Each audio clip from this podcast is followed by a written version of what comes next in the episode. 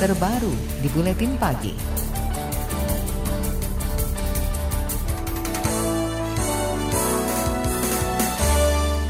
Komisi Pemberantasan Korupsi atau KPK menetapkan Komisioner Komisi Pemilihan Umum atau KPU RI Wahyu Setiawan sebagai tersangka dalam kasus penerimaan hadiah atau janji terkait penetapan anggota DPR RI terpilih 2019-2024.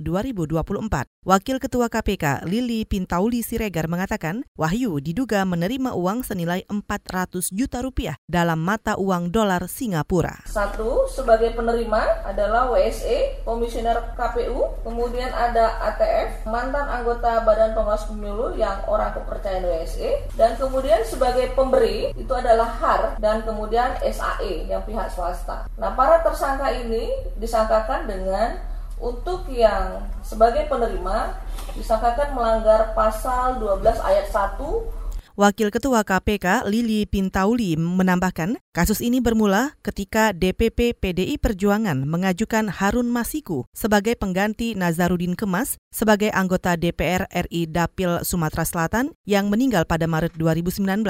Namun pada Agustus 2019, KPU menggelar rapat pleno dan menetapkan Rizky Aprilia sebagai pengganti Nazarudin Kemas. Wahyu Setiawan kemudian menyanggupi untuk membantu Harun Masiku yang menjadi tersangka untuk menjadi anggota DPR terpilih melalui mekanisme pengganti antar waktu. Hingga konferensi pers KPK dan KPU malam tadi, tersangka Harun masih dinyatakan buron. Saudara Ketua KPU Arif Budiman menegaskan sudah melaksanakan proses pergantian antar waktu atau PAW sesuai perundang-undangan, yaitu dengan menetapkan caleg yang memperoleh suara terbanyak berikutnya setelah caleg dinyatakan tidak lagi memenuhi syarat sebagai anggota DPR seperti meninggal atau mengundurkan diri. Hal itu juga yang dilakukan KPU pada PAW yang menjerat caleg PDIP Harun Masiku. Kemudian sebetulnya bagaimana proses PAW itu e, berlangsung? Undang-undang sudah menentukan kalau seseorang itu terpilih kemudian di dikarenakan sesuatu hal dia tidak lagi memenuhi syarat, misalnya karena meninggal dunia, karena mengundurkan diri,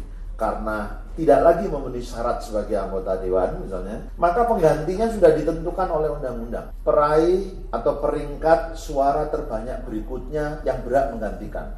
Ketua KPU Arief Budiman juga menjelaskan mekanisme PAW dimulai dari parpol yang mengirim surat ke DPR, lalu disampaikan ke KPU. Setelahnya KPU akan memberikan jawaban sejumlah suara terbanyak untuk menggantikan pihak yang tidak lagi memenuhi syarat sebagai caleg melalui rapat pleno. Jawaban KPU akan dikirim ke DPR untuk diteruskan kepada Presiden dan Presiden membuat surat keputusan atau SK. Sekjen Partai Demokrasi Indonesia Perjuangan atau PDIP, Hasto Kristianto menyebut proses pergantian antar waktu atau PAW anggota DPR selama ini berjalan ketat. Menurutnya, sebenarnya tidak ada celah menyelewengkan proses tersebut oleh para kader partai maupun Komisi Pemilihan Umum atau KPU sebagai lembaga penyelenggara pemilu, sebab aturan proses pergantian antar waktu sangat jelas dan tidak bisa ditawar lagi. Terkait dengan pergantian antar waktu, kita diikat oleh undang-undang. Partai dan KPU tidak ada ruang gerak untuk bermain karena peraturan undang-undang dan KPU itu sangat ketat. Proses PAW sudah dilakukan puluhan kali dan tidak ada sebuah proses negosiasi untuk PAW karena konfigurasi hukumnya sangat jelas.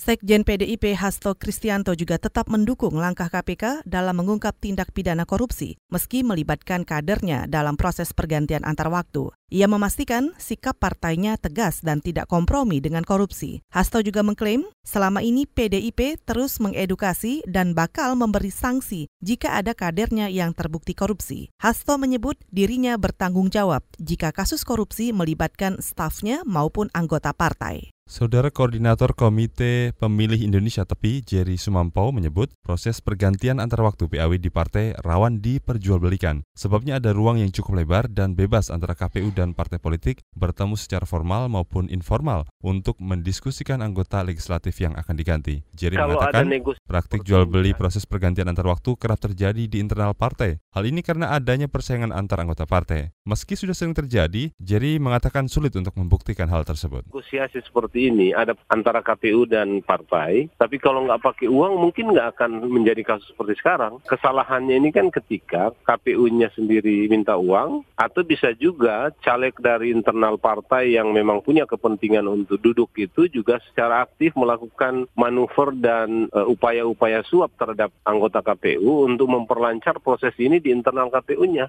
Koordinator Komite Pemilih Indonesia Tepi Jerry Sumampau menjelaskan cara untuk mempersempit celah transaksi yakni dengan melakukan proses pergantian antara waktu secara transparan. Menurutnya saat ini publik tidak mengetahui bahwa ada proses pergantian antara waktu legislatif sehingga seharusnya KPU membantu menyebarkan berita tersebut. Hal ini menjadi salah satu tanggung jawab KPU ke publik.